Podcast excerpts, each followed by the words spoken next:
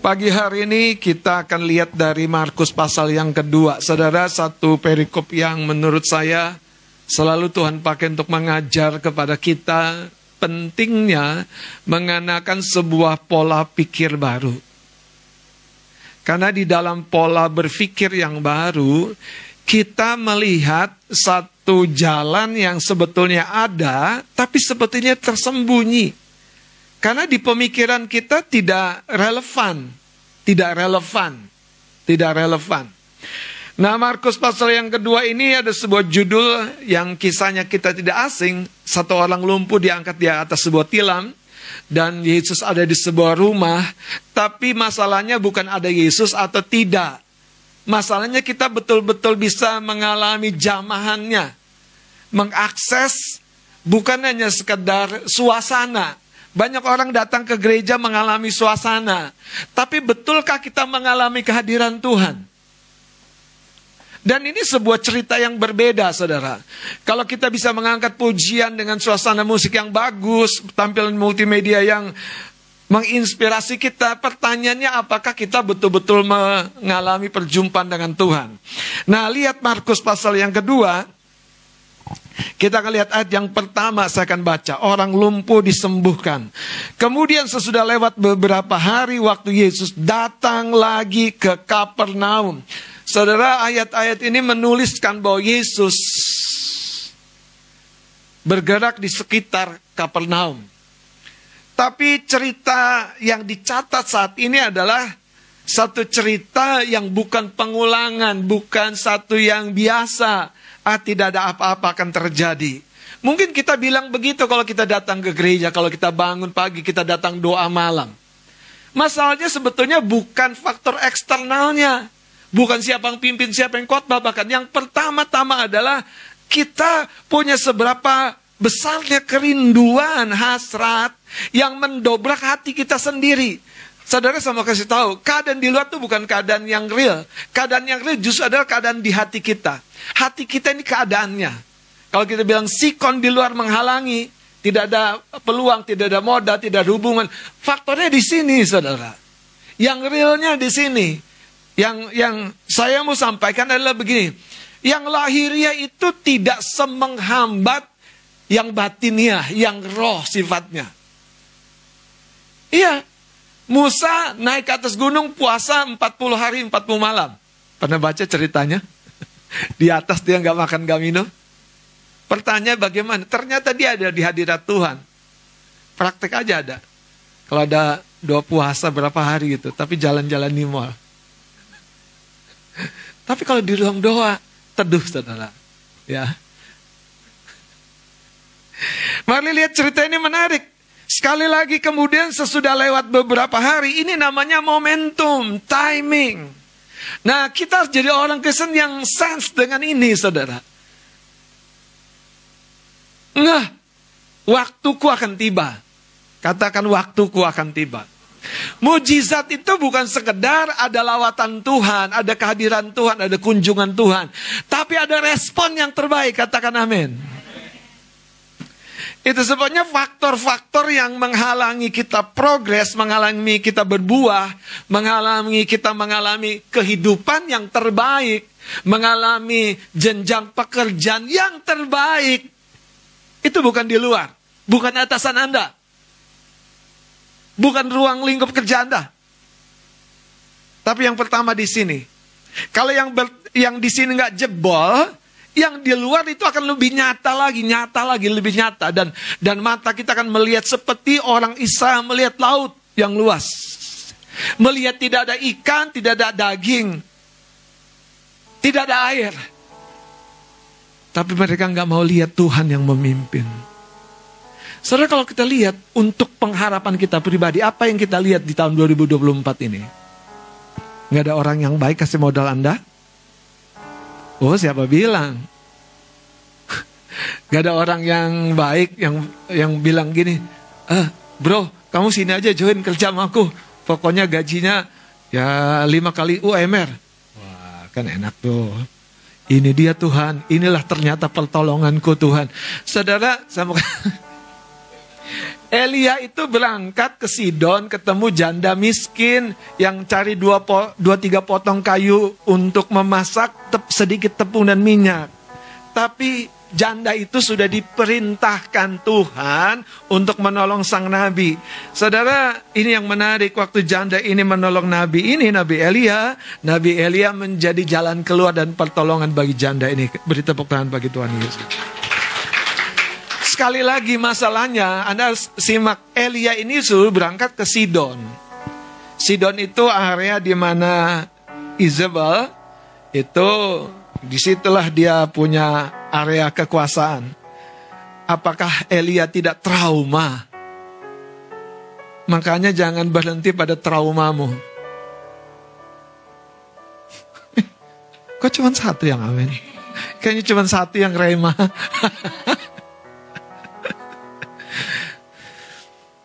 Anda nih pernah trauma nggak ke bengkel? Saya pernah. Ternyata bengkel yang saat trauma itu jalan keluar buat mobil saya. Pernah trauma nggak pakai motor Anda? Trauma, gedebuk, bangkit lagi. ya kan? Gedebuk jatuh lagi, bangkit lagi. Eh, pakai motor yang sama. Pertanyaan kenapa? Trauma. Trauma habis belum sanggup beli yang baru. Oh, Coba lihat cerita ini. Sekali lagi saudara Yesus itu tidak ke mana-mana. Tepuk bawah kanan kirimu. Yesusmu tidak ke mana-mana. Ini benar saudara. Yesusmu tidak ke mana-mana. Dia selalu siap sedia mengangkat hidup kita. Kalau dia yang mengangkat, tidak ada yang bisa membawa kita turun. Kalau dia yang mempromosikan kita, tidak ada yang bisa mengganggu gugat. Haleluya.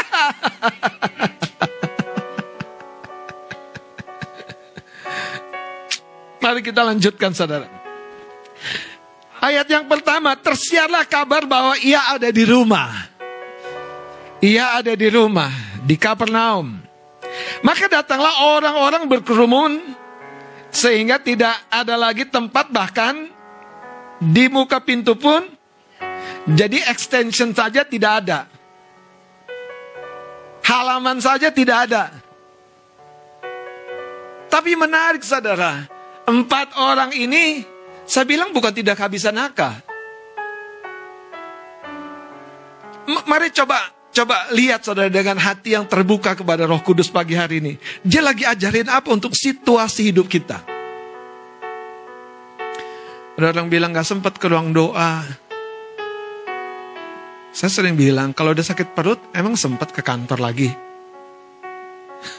Besar-besar gitu. Dari pagi udah enam kali putuskan langsung, aku tidak ke kantor. Kita suka mengutamakan yang sebetulnya akibat. Coba utamakan yang memang sepatutnya kita utamakan, yaitu mencari Tuhan. Jangan mencari Tuhan udah hancur, udah bokeh, udah nggak ada pertolongan lain. Baru aku menyerah Tuhan, angkat lagunya. Aku berserah. Kayaknya rema sekali lagu itu ya. Referennya dua kali lagi dong kan nih. Aku berserah. Kata Tuhan jangan berserah, berserah aja kerja. Kerja yang benar. Kerja yang rajin. Cerita ini saudara harusnya menggugah kita. Tuhan ada. Tapi apakah kita tadi membiarkan yang di dalam ini sempit? Mau Anda melihat ada pengharapan, tapi yang di sini sempit. Pengharapan itu nggak bisa memasuki ruang hati Anda sepenuhnya. Mari ayat yang kedua, maka datanglah orang-orang berkerumun sehingga tidak ada lagi tempat, tidak ada lagi peluang, tidak ada lagi jalan, bahkan di muka pintu pun tidak. Sementara ia memberitakan firman kepada mereka. Saudara, jangan suka menyalah-nyalahkan Tuhan kalau Anda sendiri tidak tahu sikonnya. Kadang-kadang kita suka menyalah-nyalahkan Tuhan. Tuhan gak peduli, Tuhan gak lihat, Tuhan gak jawab doaku.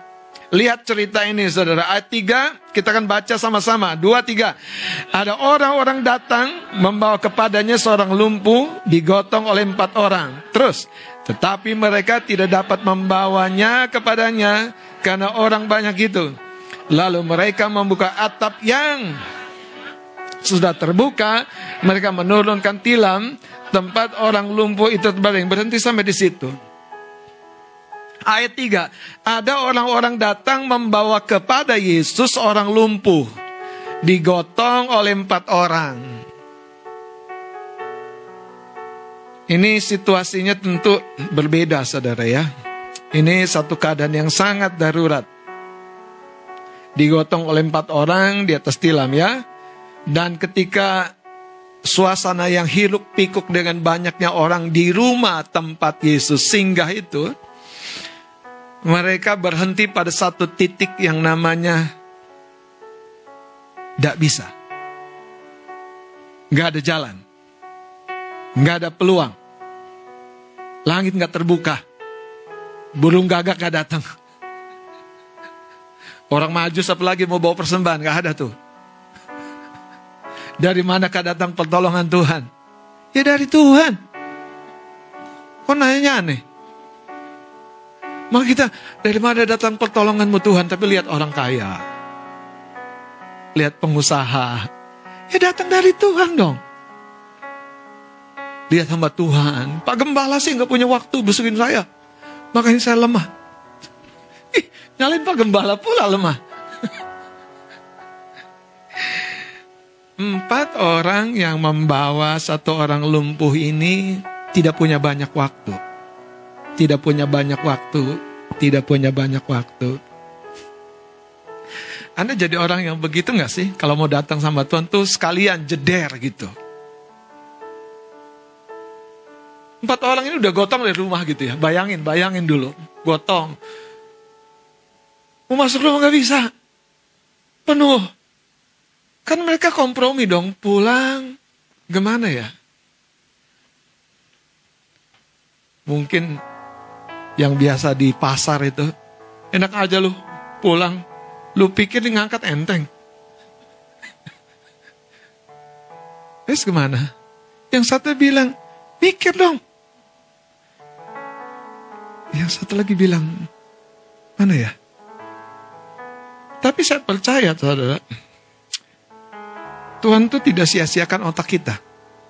Makanya kita jangan sia-siakan otak kita.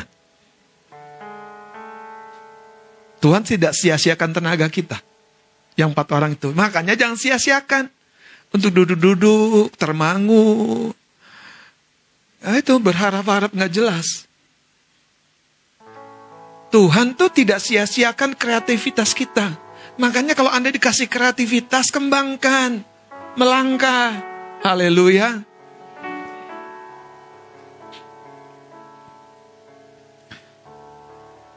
Saya satu ketemu satu orang, satu orang bapak, anaknya empat, eh tiga apa empat lupa saya. Kalau empat di sini. Jadi dia cerita bagaimana dulu dia melamar istrinya. Nggak tahu di mana letak rumahnya. Dikelilingin satu komplek di mana dia tahu ada mobilnya. Aku cuma ingat mobilnya. Dikelilingi satu komplek. Dikelilingin, eh ketemu. Nggak ketemu orangnya loh. Ketemu mobilnya, entah mirip atau apa pokoknya. Dia coba deketin, eh ada ibunya, mundur. Tapi dia lihat, wah kayaknya nih PDKT-nya lewat ibunya nih. Memang menantu-menantu yang baik biasanya sayang sama mertua. Haleluya. Dia deketin melalui mamanya. Sejak itu saudara, istri saya ya, nggak ada tuh yang namanya jalan buntu. Nggak ada tuh yang namanya. Makanya kalau kita kita mengerti jalannya, kita mengerti apa namanya tuh gangnya. Kita mengerti jalur ke sananya. Yakinkan dirimu, tempuh prosesnya. Sekarang ayo tanya, untuk menuju sebuah kehidupan yang berbuah. Saya mau ngomong yang yang kemarin, tiga kelompok besar. Yang pertama hubungan. Anda disukai oleh manusia, dikasih oleh manusia, dan dikasih oleh Allah. Anda bukan hanya baik, anda ngomong aja jadi berkat. Aroma tubuhmu aja jadi berkat. Dandananmu aja jadi berkat. Senyummu ada meluluhkan hati yang gundah gulana. Jadi berkat. Apalagi dompetnya kan.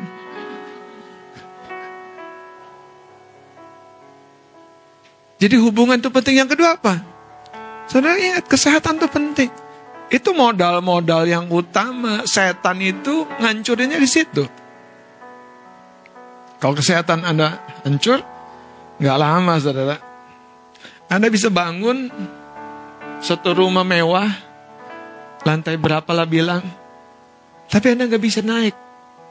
Karena dengkul Anda udah nggak kuat. Yang terakhir masalah keuangan. Saudara, Yesus bukan mengajarkan kita materialistis. Justru Yesus mengajarkan contoh dia bilang kan gini, kalau kamu mau bangun menara, duduk dulu hitung biayanya. Materi itu komponen yang tidak bisa ditolak. Itu materi itu yang komponen yang harusnya diperhitungkan dengan logik. Bukan dengan ngeroh. Ngitung uang sampai bahasa harum enggak. Pakai catatan, pakai kalkulator. Ini bayar tenan segini, bayar dekor segini gitu. Bayar make up segini, dihitung. Jangan bilang gini, pokoknya ada, pokoknya ada, pokoknya ada. Pokoknya ada, pokoknya ada, pokoknya ada. Lu dipecut mertua baru rasa. Saudara, gini loh, betul. Kalau yang namanya materi kita harus belajar, hitung dengan real. Ngadalin Tuhan jelas ngadalin Tuhan. Tapi jangan jangan apa namanya uh, nggak nggak pakai nggak pakai hitungan gitu maksud saya. Ada amin.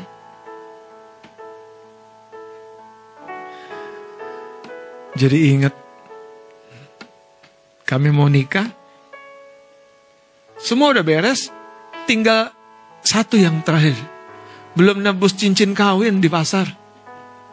DP udah. Eh sore itu ada temennya papanya ibu gembala datang. Mohon maaf tidak bisa hadir besok di acara pemberkatan, di acara resepsi. Dia kasih angpaunya. Nah papa mertua kasih sama istri saya bilang ini ada angpau dari teman papa.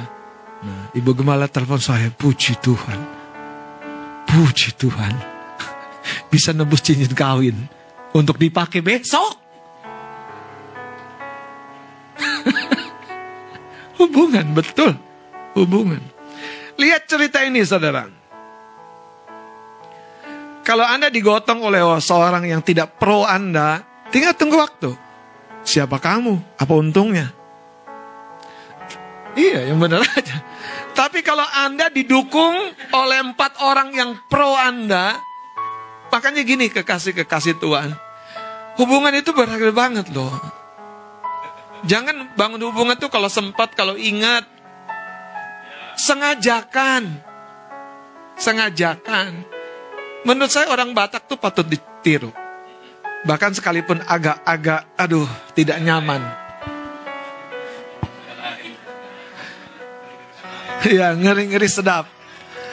Karena orang Batak itu namanya kekerabatan, harus dijalin, harus dijaga, harus dipaksa, harus diupayakan. Coba bayangkan kalau empat orang ini tidak pro Anda. Gak ada jalan, gak ada peluang. Dia cuman asyir yang yang gajiannya belum datang lagi. Gotong, ah enak aja. Tapi puji Tuhan saudara, makanya kalau kita punya hubungan seperti itu, saya berdoa saudara, Anda tangkap lebih dalam lagi, jangan sia-siakan orang-orang. Karena kalau Anda baca cerita ini, dari mana empat orang itu? Apa untungnya? Dan ternyata kalau Anda baca, si lumpuh itu memang orang berdosa, orang kacauan. Orang kacauan. Nolong orang yang kayak gini yang bikin masalah terus. Tapi empat orang itu tidak menyerah.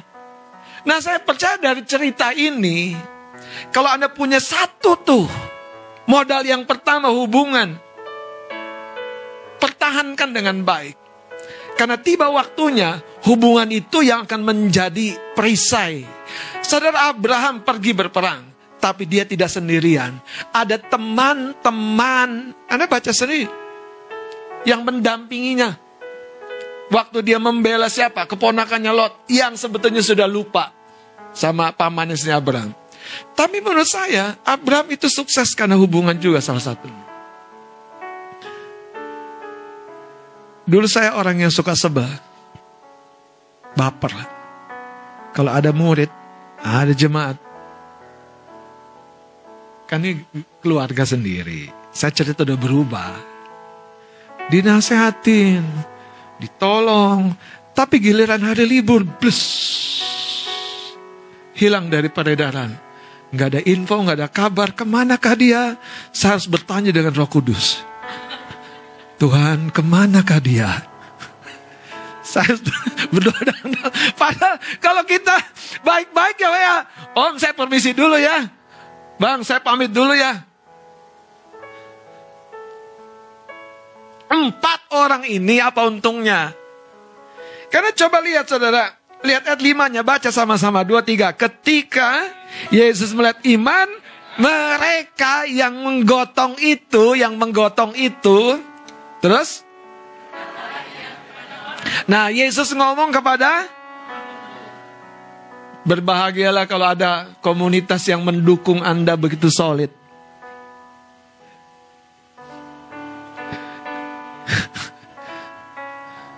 Sekalipun sulit kalau solid, tidak berbelit-belit. Coba lihat saudara, Yesus ngomong sama orang lumpuh ini, hai anakku dosamu sudah jadi modal yang pertama yang harus kita keep, jaga, ada di sekitar hidup kita itu namanya hubungan. Terobosan yang terjadi sama satu orang lumpuh ini, betul-betul bukan karena doa puasanya. Bukan, bukan.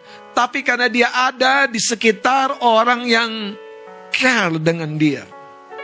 Mari lanjutkan saudara. Ada orang datang, ayat tiganya membawa kepadanya seorang lumpuh digotong oleh empat orang. Tetapi mereka tidak dapat membawanya kepadanya. Inilah yang namanya keterbatasan. Inilah yang namanya jalan buntu. Inilah yang namanya tidak ada tanda-tanda awan akan menurunkan hujan. Tidak ada tanda-tanda kita akan melihat sesuatu yang baik di tahun 2024 ini. Tidak ada jalannya dari mana kita ketemu yang kita harapkan.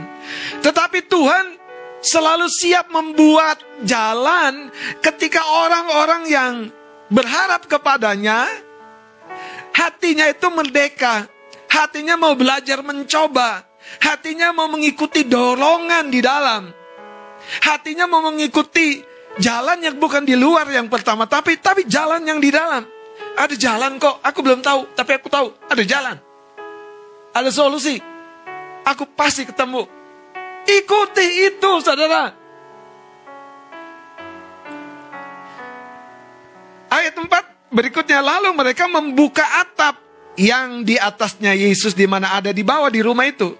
Sesudah terbuka mereka menurunkan tilam tempat orang lumpuh itu terbaring. Jadi Anda harus baca konteksnya nih. Empat orangnya nggak turun ya. Setuju ya? Empat orangnya di atas ya. Tapi Yesus lihat empat orangnya loh. Empat orang yang mendukung mungkin di ruang doa mendukung Anda. Ingat saudara, connectlah dengan orang-orang yang seperti ini. Dia menabur bukan hanya materi, lebih daripada itu. Sesudah terbuka mereka menurunkan tilam tempat orang lumpuh itu terbaring. Ketika Yesus melihat iman mereka, Berkatalah ia kepada orang lumpuh itu, "Hai anakku, dosamu sudah diampuni." Tetapi di situ ada juga duduk beberapa ahli Taurat. Mereka berpikir dalam hatinya, "Mengapa orang ini berkata begitu?" Ia menghujat Allah, "Siapa yang dapat mengampuni dosa selain daripada Allah sendiri?" Jangan berat-beratkan dirimu dengan dosa. Datang sama Tuhan, Bereskan dirimu sungguh-sungguh. Buat Tuhan bukan dosa lagi masalahnya. Tapi ketika hatimu tertutup, ketika hatimu dingin dengan dia, Ayat ini selanjutnya dikatakan begini saudara, ayat 8-nya. Tetapi ia segera mengetahui dalam hatinya bahwa mereka berpikir demikian. Lalu ia berkata kepada mereka, mengapa kamu berpikir begitu dalam hatimu? Itu namanya ngebatin, berpikir dalam hati, saudara. Manakah lebih mudah mengatakan kepada orang lumpuh ini dosamu sudah diampuni atau mengatakan bangunlah, angkatlah tilammu dan berjalan. Tetapi supaya kamu tahu, Tuhan suka mendemonstrasikan kasihnya. Supaya kamu tahu supaya kamu tahu bahwa di dunia ini anak manusia berkuasa mengampuni dosa. Ia ber, berkatalah ia kepada orang lumpuh ini. Kepadamu, kukatakan bangunlah, angkatlah tempat tidurmu dan pulanglah ke rumahmu. Dan orang itu pun bangun, segera mengangkat tempat tidurnya, dan pergi keluar di hadapan orang-orang itu sehingga mereka semua takjub lalu memuliakan Allah. Katanya, yang begini belum pernah kita lihat. Di mana tempat Anda terpuruk? Di hubungan, di keuangan, di kesehatan. Di mana tempat Anda harus terbaring begitu lama? Di mana tempat Anda stuck, tidak bisa bergerak? Tuhan ada di kota Kapernaum, dan orang banyak juga mengerumuni dia di rumah itu. Tapi ada empat orang yang tidak menyerah, yang melihat kesehatanmu bisa dipulihkan. Engkau bisa berjalan dan menjadi berkat dan hidupmu bisa memuliakan Tuhan. Bahkan kalau dalam cerita ini, bukan karena upaya si lumpuh ini. Saudara, inilah tahun di mana hubungan yang baik akan berbuah kesetiaan, ketekunan, kepedulian akan berbuah. Taburanmu akan berbuah. Ketekunanmu akan menghasilkan buah. Jangan lihat Tuhan dengan cara yang berbeda dari empat orang ini. Lihat Tuhan Yesus dengan cara yang sama dengan empat orang ini. Jangan-jangan ada banyak orang suka berdoa, suka nanya Tuhan tapi tidak suka bertindak. Yang saya maksudkan cerita ini, empat orang ini tidak nanya dulu sama Tuhan, boleh nggak guru? Empat orang ini tidak kompromi dulu, kita ajukan proposal dulu. Empat orang ini tidak nanya-nanya dulu. Saudara iman, iman, iman, itu dibutuhkan ketika kita sudah mendapat sebuah ide. Tapi iman lebih dibutuhkan lagi. Ketika ide tidak ada, jalan tidak ada, tembok terlalu tinggi untuk dipanjat. Tapi iman membuat perbedaan dan perubahan. Hari ini saudara, situasi di dalam itu lebih penting kita kenali. Amin. Situasi di luar itu tidak seberat yang kelihatan. Oke. Mari kita lihat Yohanes pasal yang ke-6. Sedikit lagi saudara.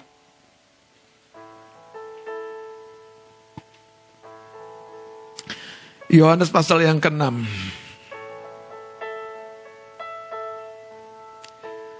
Wow. Cerita tentang keloti hidup. Yesus memberi makan 5.000 orang. Ayat 3 saya baca dengan cepat. Dan Yesus naik ke atas gunung dan duduk di situ dengan murid-muridnya. Dan pasca hari raya orang Yahudi sudah dekat. Ketika Yesus memandang sekelilingnya dan melihat bahwa orang banyak berbondong-bondong datang kepadanya, berkatalah ia kepada Filipus. Di manakah kita dapat membeli roti supaya Coba teman-teman pemimpin baca ayat 6-nya. Haleluya. Dua tiga. Hal itu dikatakannya untuk Haleluya. Jadi kadang-kadang termasuk kita, termasuk saya, tanggung jawab yang melampaui itu ujian. Yesus ingin mengembangkan kepercayaan kita yang bukan hanya kemarin, tapi sekarang ini. Sekarang ini. Banyak kita bisa cerita yang kemarin. Makanya kalau ada simak pesan firman di doa puasa tiga hari, saudara tempat persinggahan itu bukan tempat perhentian. Salah satu tantangan gereja Lodiki adalah dia sudah terlalu biasa dengan ibadah. Dia sudah terlalu biasa dengan urusan-urusan rohani. Tapi dia kehilangan apinya. Dia sudah terlalu biasa saudara dengan ayat. Dengan menasehati orang. Tapi dia kehilangan untuk dirinya sendiri. Kalau ditanya apa pesan Tuhan.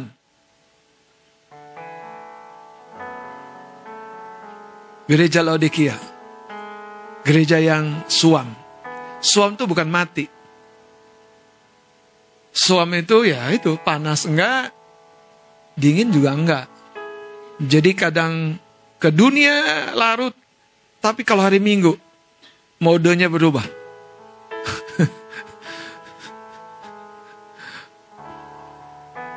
Lihat cerita ini saudara.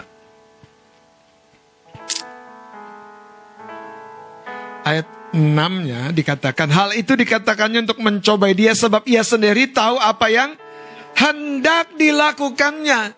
Setiap proyek yang kita jalani hari ini tahun 2024 Kalaupun seperti cerita ini kok Tuhan kayaknya tidak pro sama kita, saudara tetap ada di dalam radius di mana kita bisa melihat matanya, kita bisa mendengar suaranya, kita bisa merespon. Ayat 7 perhatikan baik-baik. Jawab Filipus kepadanya. Ini yang tukang hitung-hitung ini pasti spontan. langsung. Langsung. Roti seharga 200 dinar tidak akan cukup untuk mereka ini. Halo, kita punya proyek nih Ruangan ini harus mekar. Entah ke sana, entah ke sini. entah ke sana yang lain. Sikonnya di luar itu bukan halangan. Tapi yang di dalam ini, geloranya. Empat orang mengusung, satu orang lumpuh bilang, dari mana kita bisa ketemu Yesus, mengalami jamahannya. Tapi empat orang ini, itu yang tadi saya bilang, udah harga mati. Kepalang basah, kepalang nyebur. Tahu kata Pak Ahok? Kalau dalam sebuah sayembara, siapa yang bisa menyeberang sana? Ada buaya. sana sediakan ha, apa, hadiah yang pokoknya menarik sekali. Satu orang tiba-tiba jebur aja udah cepet-cepet berenang. Orang bertepuk tangan seorang, wah hebat banget kamu ya, bisa, bisa, bisa, berani kamu ya. Pas dia keluar dari kolam, dia tanya siapa?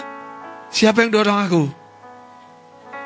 Jadi tugas saya, nah itu dia, haleluya. tugas saya dorong kecebur di kolam banyak buaya tadi tuh.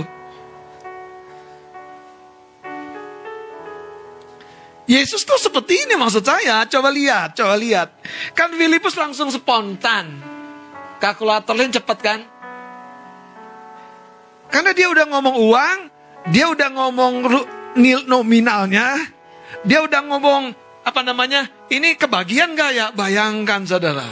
Udah langsung masalah distribusi dia langsung tahu. Pokoknya ini mantap sekali si Filipus ini. Iya, tapi yang kayak gini nanti Anda harus tahu. Ini orang-orang yang hebat. Lanjut ya.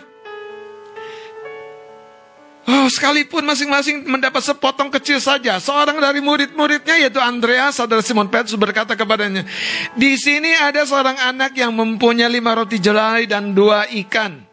Tetapi apakah artinya itu untuk orang sebanyak ini?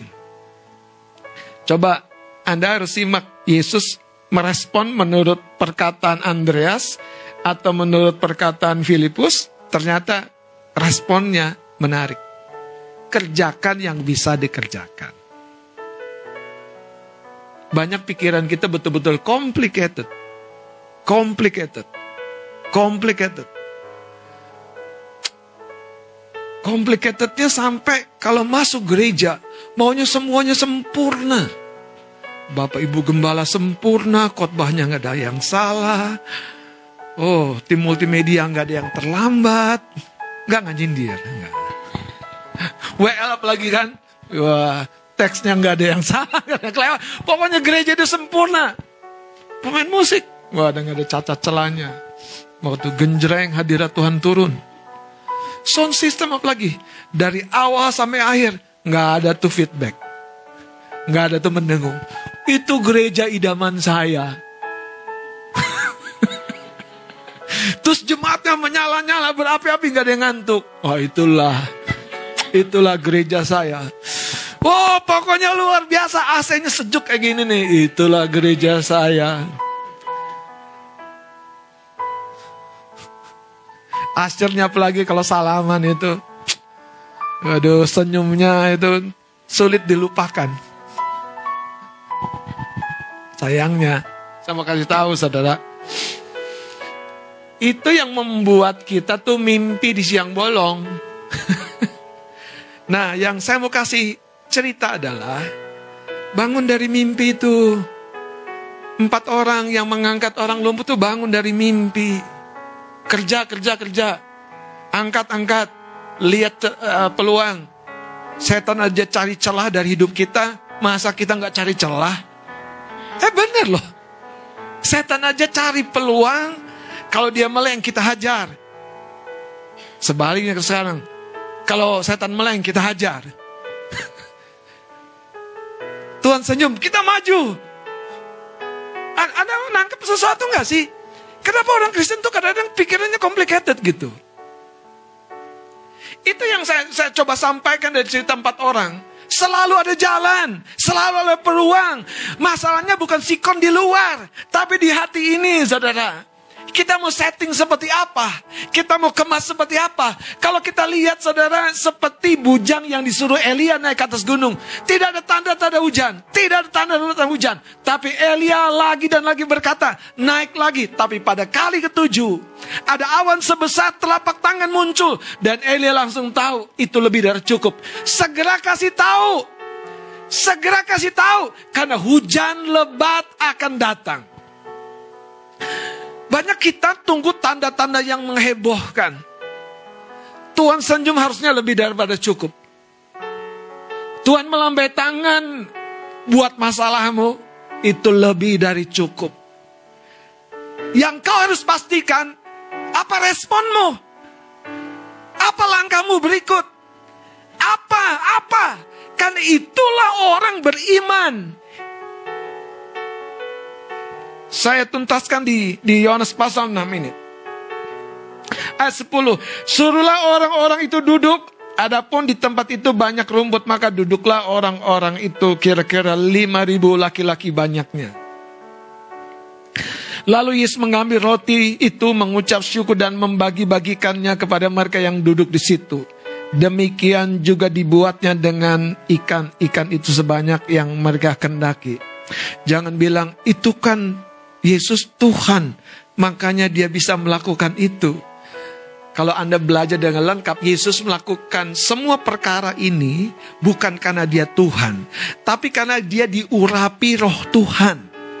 Dia diurapi roh kudus. Makanya dia bilang, kita semua bisa melakukan pekerjaan-pekerjaan yang dia lakukan, bahkan lebih besar lagi, katakan amin.